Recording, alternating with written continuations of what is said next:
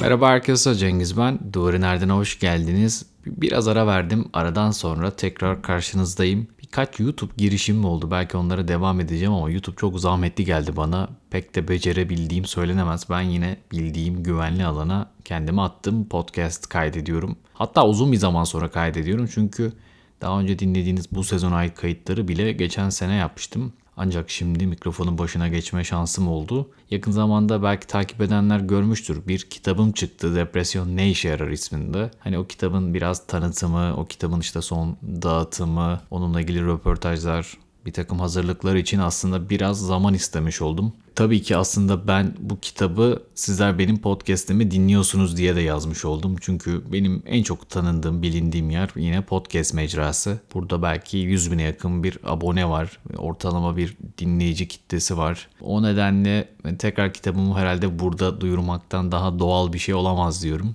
Tabii benim için çok önemli bir şey. Ee, bir kitap yazdım. Sonuçta hani bir konu hakkında bir bir şeyler yazmak podcast kaydetmekten de farklı bir şey. Gerçekten çok cesurca bir şey. Hani ben büyük bir cesaret gösterdim diye demiyorum ama e, sizlere ulaşırsa, sizlerden geri dönüş alırsam bu beni daha da motive edecektir. İkinci kitap için, belki diğer kitaplar için. Yani tüm bunların yanında hani bir motivasyon kaynağı yaratmanın yanında ben gerçekten güzel bir şey yaptığımı düşünüyorum. Hani gerçekten emek verdim. Birisinin bir konuda emek vermesi onu e, ödüllendireceğiniz anlamına gelmiyor. Onu söyleyeyim başta ama ben gerçekten insanların eline alıp okuyabileceği bir kitap evreni yaratabildiğimi düşünüyorum. Tabii ben e, kendim yani bir emek verdim ve evet hani bunun karşılığı olur olmaz o ayrı bir şey. Ee, daha fazla insana ulaşsın istiyorum. Yani gerçek anlamda daha fazla okuyucuya ulaşsın istiyorum. Hani bunun için kitabın çok satması bile gerekmiyor. Yani bir kitap alıp 5 kişi de okuyabilirsiniz. Ee, şu ekonomide belki en iyi yollardan bir tanesi. İnsanlara ulaşmasını istiyorum. Bunu da herhangi bir maddi beklentiyle söylemiyorum. Kitap yazıp da para kazanmak gibi bir amacı pek çok insanın yok. Benim hiç yok gerçekten sesimi duyurabilmek istiyorum ve yazdıklarımın e, okunabilir olduğuna dair bir e, sinyal görmek istiyorum. Hani belki çok kişisel bir şey bu. Hani bize ne bundan diyebilirsiniz. Haklısınız da ona da bir şey demiyorum ama e, sahiden mutlu eder beni kitabı edinmeniz ve bana geri bildirimlerde bulunmanız. İki tane de imza günü olacak zannedersem Ekim ayı içerisinde. Bir tanesi İzmir'de, bir tanesi İstanbul'da olacak. Şimdi tam olarak e, bana kesin şeyler verilmediği için duyuramıyorum ama e, Twitter'da ya da Instagram'da beni takip ederseniz gelişmelerden de haberdar olursunuz yani imza günleriyle ilgili. Onlar da keyifli olur diye tahmin ediyorum. Yani hiç daha önce deneyimim olmayan şeyler. Sizler de benimle beraber bu deneyimleri yaşayacaksınız. Aslında bu da belki ayrıca bir heyecan, keyif e, verebilir hem size hem bana. Bugün aslında konuşacağım konu da zaman zaman belki benim bu kitap yazma serüvenime de temas edecek bir şey ama e, biraz daha farklı bir konsept. Bu podcast'in başlığı bolluk paradoksu. Özellikle bu bölümde seçeneklerin artmasının bizi özgürleştiren bir şey mi, sınırlayan bir şey mi olduğu üzerine kendi kendime düşünüyorum. Tabi seçme mevhumu özellikle sanayi sonrası kapitalizmde öne çıkan bir şey ve belki de kendi içinde bir paradoksu e, beraberinde getiriyor. Şimdi bunlardan bir tanesi çok sayıda bunaltıcı belki de seçeneğin karşımıza çıkması ve bir taraftan da bu bunaltıcı seçeneklerle başa çıkmak ve giderek artan arzularımızı da sınırlandırmak için de çeşitli yolları bize sunan e, bin bir çeşitte hizmet karşımızda. Yani o kadar çok seçenek var ki bu seçeneklerle nasıl baş edeceğiz diye yeni hizmet kapıları açılıyor ve bunları bu sefer hangisini seçelim diye apayrı bir dünya karşımıza çıkıyor. Kendi içinde gerçekten bir paradoks. Biraz daha kafamızda canlandıralım. Renate Salacıl da bu örneği veriyor. Ben de bunu biraz bize uyarlayarak anlatmaya çalışacağım. Şimdi bir markete gittiğinizi hayal edin. Tabi burada hangi markete gideceğiniz de bir seçenek. Birbirine çok benzeyen marketler var. Üç harfli marketler var. Yine büyük zincirler var. Onlardan bir tanesine gittiğinizi hayal edin. Ki hala markete gitme alışkanlığınız varsa çoğu kişi markete gitmeyi de bıraktı. Neyse karşımızda 4 tane ürün var işte mesela peynir aldığımızı düşünüyoruz.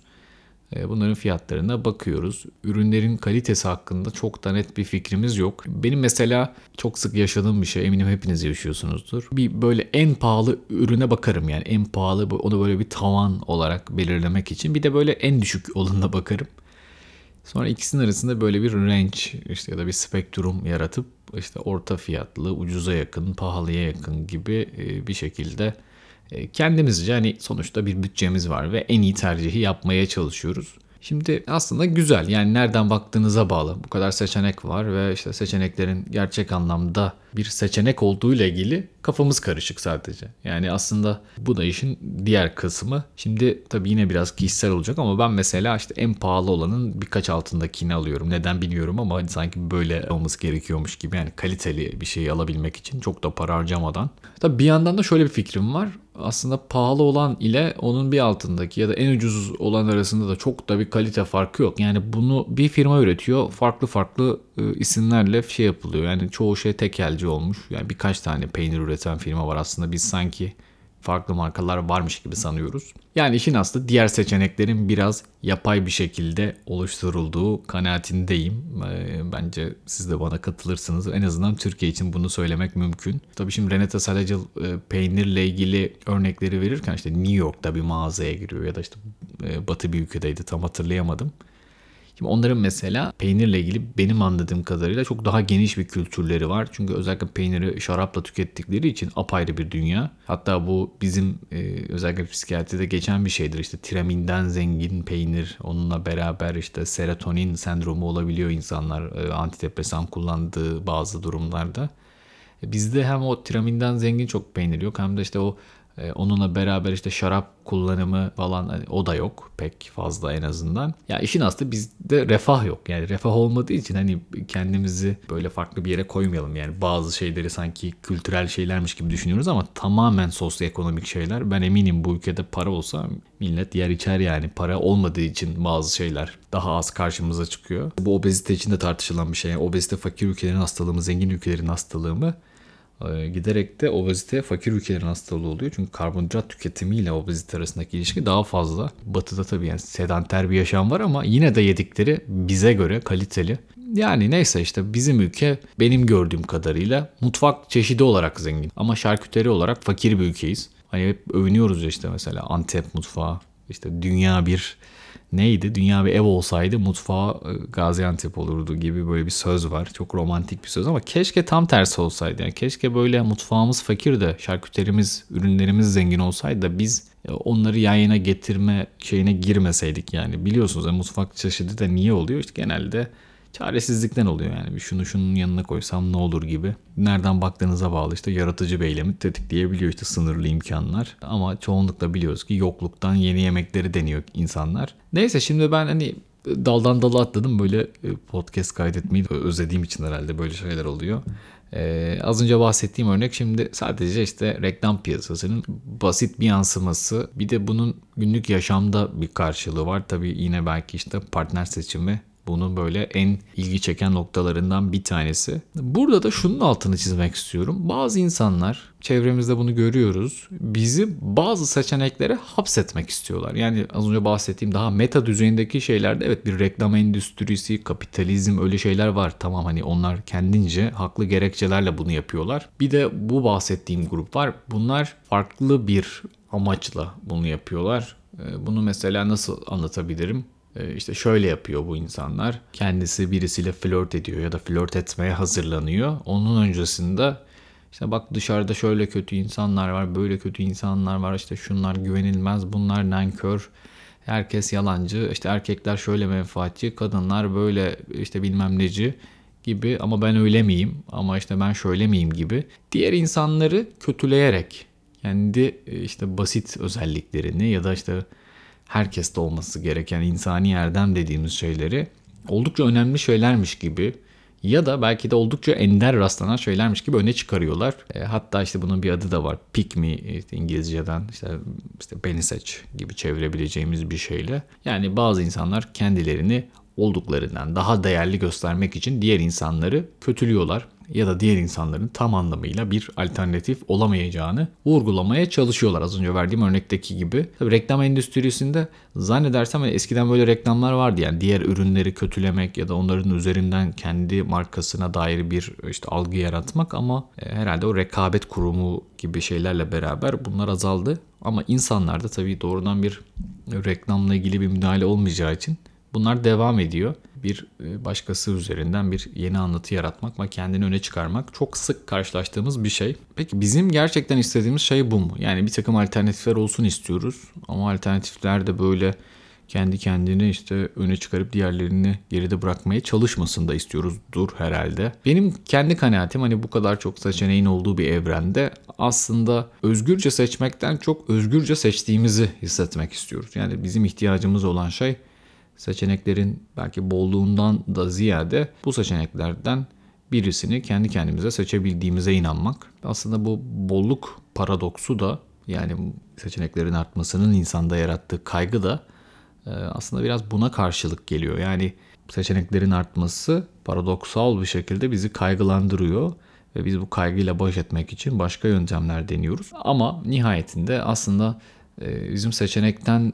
ziyade e, bizim belki özgürce seçim yapmaya dair bir isteğimiz var. Burada ben tabii şöyle bir noktaya da aslında değinmek istiyorum. Yani seçenekleri özgürce seçmek bir yere kadar. Bir de kendi seçeneklerini yaratmak diye bir şey var. İnsanlar özgürce seçtiği zaman bu ihtiyacı gideriyorlar ama bunun da böyle yapay bir tatmin olduğunu inanıyorum. Çünkü ben kendi adıma çoğu seçeneğin bunun partnerleri için de düşünebiliriz. İşte bir meta bir ürün işte mağazadan aldığımız bir şey olarak da düşünebiliriz. E, aslında yeteri kadar sahici olduğuna pek inanmıyorum. O, o yüzden hani kendi seçeneğimizi yaratabilmek daha iyi olurdu yani gerçek anlamda özgür hissetmek için daha iyi olabilirdi.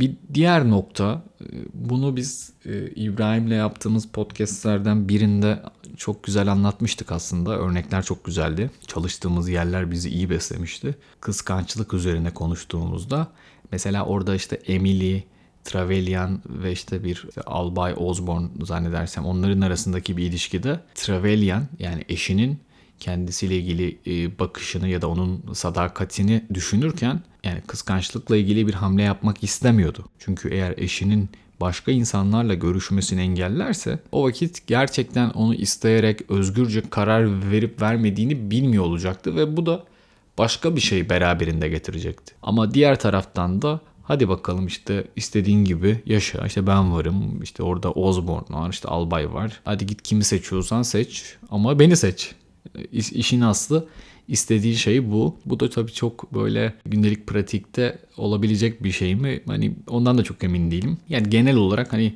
seçeneklerin varlığı bir dert, seçenekleri yok etmek ayrı bir dert. O yüzden burada gerçekten çeşitli zorluklar yaşanıyor. Ve tabii tüm bunları düşününce seçim yapmakla ilgili de insanın bir kafa karışıklığı yaşaması gayet normal. Az önce bahsettiğim gibi yani hani seçmek istiyoruz ama bir taraftan da seçeneklerin bir şeyleri seçmek için, seçtirmek için uydurulduğuna dair de bir inancımız olabilir. Buna mesela Covid aşılarını belki de örnek vermek mümkün.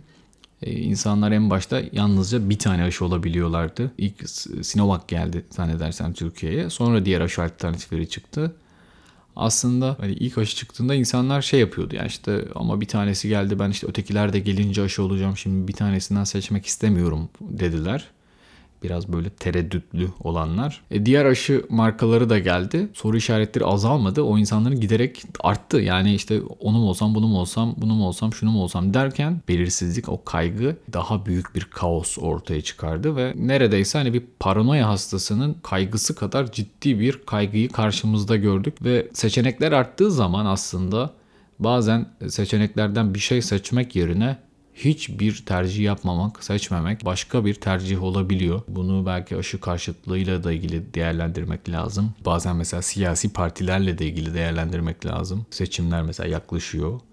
Ee, insanların kafası karışıyor. İşte bazıları ne oluyor? Eski bir takım alışkanlıkları var. Bir partiyle gönül bağı kurmuş ama işler yolunda gitmiyor. Ee, orada yeni bir seçenek var ama onunla da bir gönül bağı yok. Henüz kurmuş değil. Ama aslında belki de ona dair daha ümitli. Yine de e, işte kafası karışıyor. Sonra yeni bir parti çıkıyor. O tuttuğu partinin içinden başka bir şey kopuyor falan derken bir sürü seçenek karşısına çıkıyor ve bu sefer diyor ki ben en iyisi oy vermeyeyim. Yani sandığa gitmeyeyim. Bu şeyi de çok anlamıyorum. Nedenini biliyordur belki daha siyaset bilimiyle ilgilenenler. Ben hani belki çok bilmiyorumdur. Bir takım tahminlerim var ama mesela batıya gittikçe seçimlere katılım düşüyor. Yani bizim gibi ülkelerde seçime katılım daha fazla. Hani biz mi daha demokratik bir ülkeyiz, onlar mı daha demokratik bir ülke tartışılır ama tabii benim anladığım kadarıyla daha batı demokrasilerinde sandık sonucu hani insanların gündelik yaşamını bizimkisi kadar etkilemiyor ama Bizde gerçekten hani seçimden çıkacak sonuç yarın e, işe gidip gitmeyeceğinize dahi tesir edebiliyor. Tabii o yüzden belki de insanlar daha fazla seçime katılmak istiyor olabilir. Keşke daha yerleşik bir demokrasimiz olsa belki o kadar da seçim hani üzerine bu kadar hani konuşmazdık. Yani seçim demokrasi dedikleri şey bu kadar gündemimizi meşgul etmezdi. Neyse biz Türkiye siyasetinden tekrar kendi gündelik meselelerimize dönelim. Ee, seçim yapmaktan bahsediyorduk. Bunu belki önceki podcastlerde yine söylemişimdir. Yani varoluşçular açısından çok değerli bir şey seçim yapmak. Ee, onlar insanın bu seçenekler karşısında kaygılanmasını çok insana dair, çok insana özgün bir şey olarak görüyorlar ve hatta özgür bir insanın bu kaygıyı yaşaması gerektiğini iddia ediyorlar. Hani bu anlamda olumsal bir bakışları var. Tabii hani sadece bununla sınırlı kalmıyor insan. Yoksa herkes işte bir seçenek olur seçer gider ama seçim yapmak bireyin hayatının doğrultusunu belirleme özgürlüğünü de içeriyor. Ama paradoksal bir şekilde. Yani birey çoğu zaman bu özgürlükten vazgeçme ya da işte tüm seçeneklerle başa çıkmaya yardımcı olacak bir otorite aramaya dünden razı. Yani yeter ki hangi otoriteye belki de başvuracağını seçme gücü kendisinde olsun. Bazen işte e, bu seçimlerle ilgili yetkimizi etrafımızdaki insanlara da devrederiz. Ben mesela kendim kişisel bir örnek anlatayım. Tam uyuyor mu emin değilim ama bence e, sizlerin de belki başına gelmiş bir şeydir. Bir arkadaşımın kitapları bende bir süredir. Ve ben şimdi başkasının kitapları olunca tabii daha meraklı oluyorum. E, nedenini bilmiyorum. Sizlerde de belki bu oluyordur. Hani başkalarının kütüphanesini kurcalamak, karıştırmak, kitaplarına bakmak falan.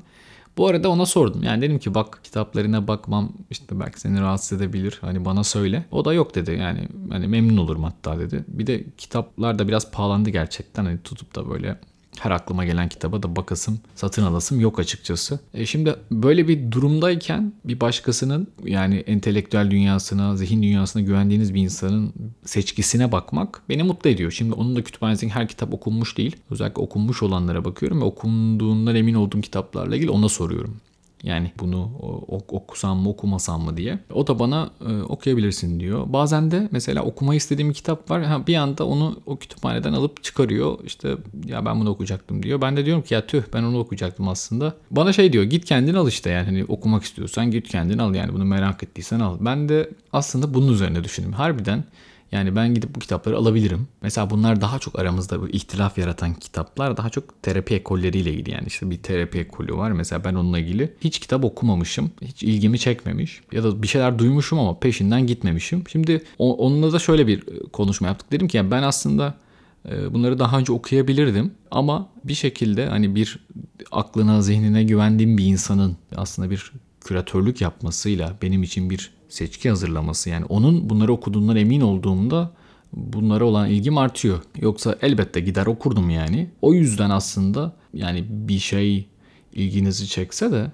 sahiden güvendiğiniz insanlar onunla ilgili bir takdir uyguladığı zaman siz de daha işte onu okumaya, onu ilgi ona ilgi göstermeye daha meyyal oluyorsunuz. Ben de e, açıkçası hani biraz böyle düşündüm. Bence başkasının yani bir başkası ama tanıdığımız bir öteki e, onların seçimleri sahiden bizi etkiliyor. Yani burada tabii mentörlük, işte süpervizyon, işte akran süpervizyonu, aklı başında sağduyulu insanları çevremizde bulundurmak, öyle dostlar edinmek bence oldukça önemli. Bu belki de bu işte bolluk paradoksunda karşımıza çıkan o zorluklarla ilgili mücadelede bize yardımcı olabilir. Tabii bu işlerin yani her zaman başka bir boyutu da var. İşte gavur buna two aspects diyor.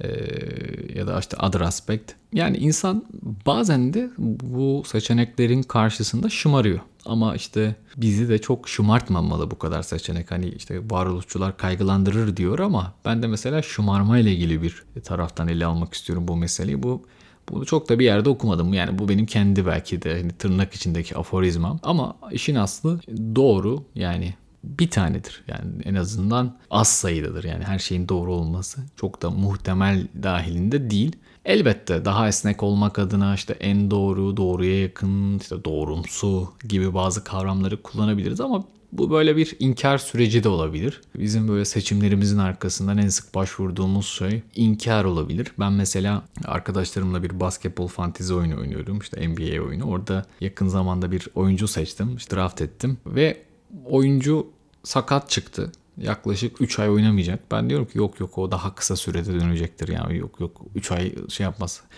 Genelde 3 ay diyorlar ama mesela 6 ay uzuyor ama ben yo işte kesin dönecektir gibi gerçekten hani o yarıldığım yanlış yaptığım o seçimle ilgili büyük bir inkarın içerisindeyim. Ama işte bir şekilde insan hayatta böyle var oluyor yani diğer türlü e, oturup ne yapalım hani ağlayalım mı e, diyor insan kendine. E, seçim ideolojisi diye belki de bir kavram var. Hani biraz da bundan bahsedip yavaş yavaş toparlayayım. Olasılıkların çokluğu fikrine bel bağladığı için özgürleştirici görünür aslında. Yani seçeneklerin çoğalmasıyla eski sınırlamalar ortadan kalkmışsa da onların yerini hemen kendi kendine koyulan yeni yasaklar almıştır. Seçim gayet bireysel bir mesele gibi görünüyor olsa da insanların seçim yapma şekli başkaları ile kurdukları ilişkilerle ve başkalarının onları nasıl gördüğüne dair düşünceleriyle esasdan bağlantılıdır. Bu sahiden önemli. Yani yaptığımız seçimler aslında çoğu kez işte bir statü göstergesi, işte bir sınıf göstergesi. Onu ben hep söylüyorum aslında. Mesela Karl Marx üretim üzerinden sınıfları işte emekçi sınıf, işte burjuva sınıf gibi tanımlıyor. Ama diğer sosyologlar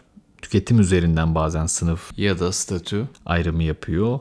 Veblen ya da Weber e, bunlardan bazıları sahiden işte bu seçenekler ya da seçim yapmak da aslında bir taraftan tüketim endüstrisiyle de ilişkili. Bizler aslında e, yaptığımız seçimler, seçenekleri ele alma biçimimiz, seçtiğimiz markalar, seçtiğimiz filmler değil mi? Mesela işte mesela Netflix var, e, Blue TV var, HBO var, Amazon Prime var, Disney var, Gain var, Exam var. Bir de Mubi var. Mesela gidiyorsun işte Mubi'yi seçiyorsun. Yani sen o Mubi'nin dünyasına giriyorsun ve artık Mubi'nin içerisinden bir şey seçiyorsun. Mesela Mubi adam oldun artık yani Mubi Man ve artık ona göre değerlendirileceksin. Tabii seçtiğin şey e, senin cüssene uygun değilse komik de durabilir. Ama yakışıyorsa yakışıyordur yani ona da bir şey demiyorum yani. O yüzden hani seçimlerimiz ya da işte tükettiğimiz şeyler bizim ne olduğumuzu gösterebilir ama biraz da üstümüze yakışması lazım yani yoksa işte komik olur. Hani bazı isimler mesela çok rahatlıkla imitasyon marka alışverişi yapabiliyorlar. Çünkü diyorlar ki ya ben imitasyon alırsam kimsenin hakkında benim imitasyon kullandığım gelmez ama sen ben gitsek imitasyon alsak hemen birisi durdurur der ki o kardeş hayırdır nereden aldın hani gibi böyle imalı bir şey yapabilir. Yani o yüzden biraz böyle hani kendimize yakışacağını ya da işte şey durmayacak bir şey eğer öyle bir seçenek dünyasına girdiysek seçmek iyi olabilir. Ama işte bu seçim ideolojisi gerçekten insanın hani diğer insanlarla olan ilişkilerini ve nasıl görüldüğünü de etkileyen bir şey. Peki yani genel hani bütün şeyi toparlarsak bu bölümün de belki ismine esin kaynağı olan Barry Schwartz'ın hani bolluk paradoksu çok seçenek özgürlük mutsuzluk mu adlı kitabında seçimlerle ilgili verdiği bazı tavsiyeler var. Onlardan da bahsedeyim. Hani ben çok tavsiye vermeyi sevmiyorum ama bir başkasının tavsiyesini buraya taşımak neden olmasın yani. Ee, ne zaman seçeceğimizi seçmemiz toplayıcı değil seçici olmamız, yeterince iyi ile yetinmemiş geri dönüşü olmayan kararlar vermemiz, şükretmeyi bilmemiz, daha az pişmanlık duymamız, uyum sağlamayı öngörmemiz, beklentilerimizi kontrol altında tutmamız, toplumsal kıyaslamalar yapmaktan kaçınmamız ve bilhassa sınırları sevmeyi öğrenmemiz gerektiğini savunur. Abi bunları ben bazılarına katılıyorum bazılarına katılmıyorum. Şimdi onları da tartışmaya açsam uzar gider ama yani fena bir tavsiye değil. Hani adam bunun kitabını yazmış şimdi o yüzden ona da bir şey demeyeyim. Bu podcast şimdi bugün yayına giriyor. 5'inde yayına giriyor. 6'sı 6 Ekim Perşembe biz ben ve İbrahim bir Twitter Space odasında 22.30'da bir yayın yapacağız. Buzlu camdan dünyaya bakış, depresyon adlı bir yayın var. Onun dışında kitabımın e, linkini ben aşağıya bir paylaşayım. Bir de ha onu da söyleyeyim. Yazmak atölyesi var. Çok değerli isimlerin olduğu. Onlar beni bir atölye yapmam için davet ettiler. 27 Ekim Perşembe günü Böyle bir atölye çalışması da olacak. Hani yazmak atölyesinin internet sitesine girerseniz atölyeye kaydolma şansınız olur. Çok çok özel konular ve çok spesifik çalışmalarım oldu yani böyle aylarca hani bir o emeği hani bir kitap yazmaya çalışsam kitap yazardım yani ama atölye yapacağım. Onlar da aklınızda bulunsun. E, hayatım bunlarla geçiyor bu son dönemde. Memnunum ben de bu tempodan, yoğunluktan. Burayı biraz ihmal etmiş oldum zaman bulamadığım için ama Umarım telafi ederiz. Yeni yeni bölümlerde, yeni zihin açıcı tartışmalarda tekrar görüşmek, buluşmak üzere. Buraya kadar dinlediğiniz için çok teşekkür ederim. Kendinize iyi bakın, hoşçakalın.